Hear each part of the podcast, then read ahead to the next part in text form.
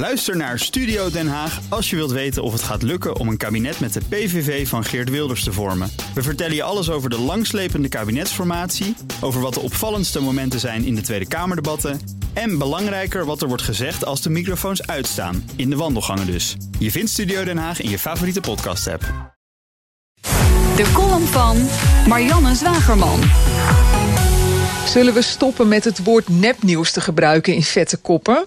Nieuws suggereert dat het om journalistieke producties gaat. Door dat woord steeds maar weer rond te pompen... beschadigen media hun eigen vakgebied... dat zich toch al niet kan verheugen in een groot vertrouwen vanuit het publiek.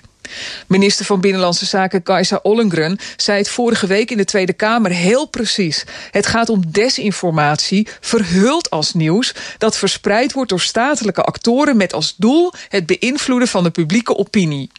Hetzelfde dus wat de Europese Unie op voorstel van toenmalig minister Koenders nog maar twee jaar geleden van plan was in Rusland. De EU zou toen een radio- en tv-zender en een persbureau lanceren om in de Russische taal inwoners van Rusland te vertellen hoe wij denken dat ze de wereld moeten zien. Nederland gaf toen een half miljoen euro uit aan de haalbaarheidsstudie. Want na de MH17 waren wij erachter gekomen dat de Russen verkeerde dingen denken. Het werd allemaal niks, ontdekte Argos. Het avontuur was veel te duur, maar vooral was de inschatting dat de gemiddelde Rus toch niet zou geloven van een westerse afzender. Goh, zouden die Russen dan echt slimmer zijn dan wij?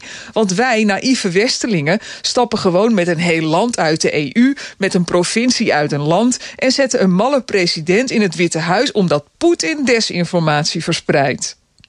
Ollongren moest in de Kamer toegeven dat ze dat zelf ook deed... toen ze de Telegraaf voor haar karretje spande om op de voorpagina te schreeuwen... dat een lawine van berichten uit het Kremlin onze verkiezingen verstoort. Dat bleek niet te zijn gebeurd, maar het had kunnen gebeuren... zei de minister in de Kamer.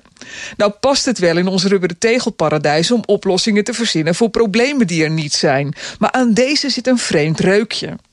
Als Guy Verhofstadt twittert dat we dringend een radicaal andere EU nodig hebben... omdat een agressieve Poetin aan onze voordeur staat...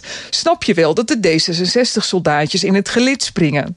Maar waarom gaan media zo fanatiek mee in dit frame? De eerste oproep om Nederlandse media aan te pakken is al gedaan in de Tweede Kamer. En de minister antwoordde dat ze inderdaad met mediabedrijven gaat praten. Poetin leek het doel, maar straks is onze vrije pers het slachtoffer. En dat zei columnist Marianne Zwagerman. En die kunt u teruglezen en luisteren, althans haar column... op bnr.nl en in de BNR-app.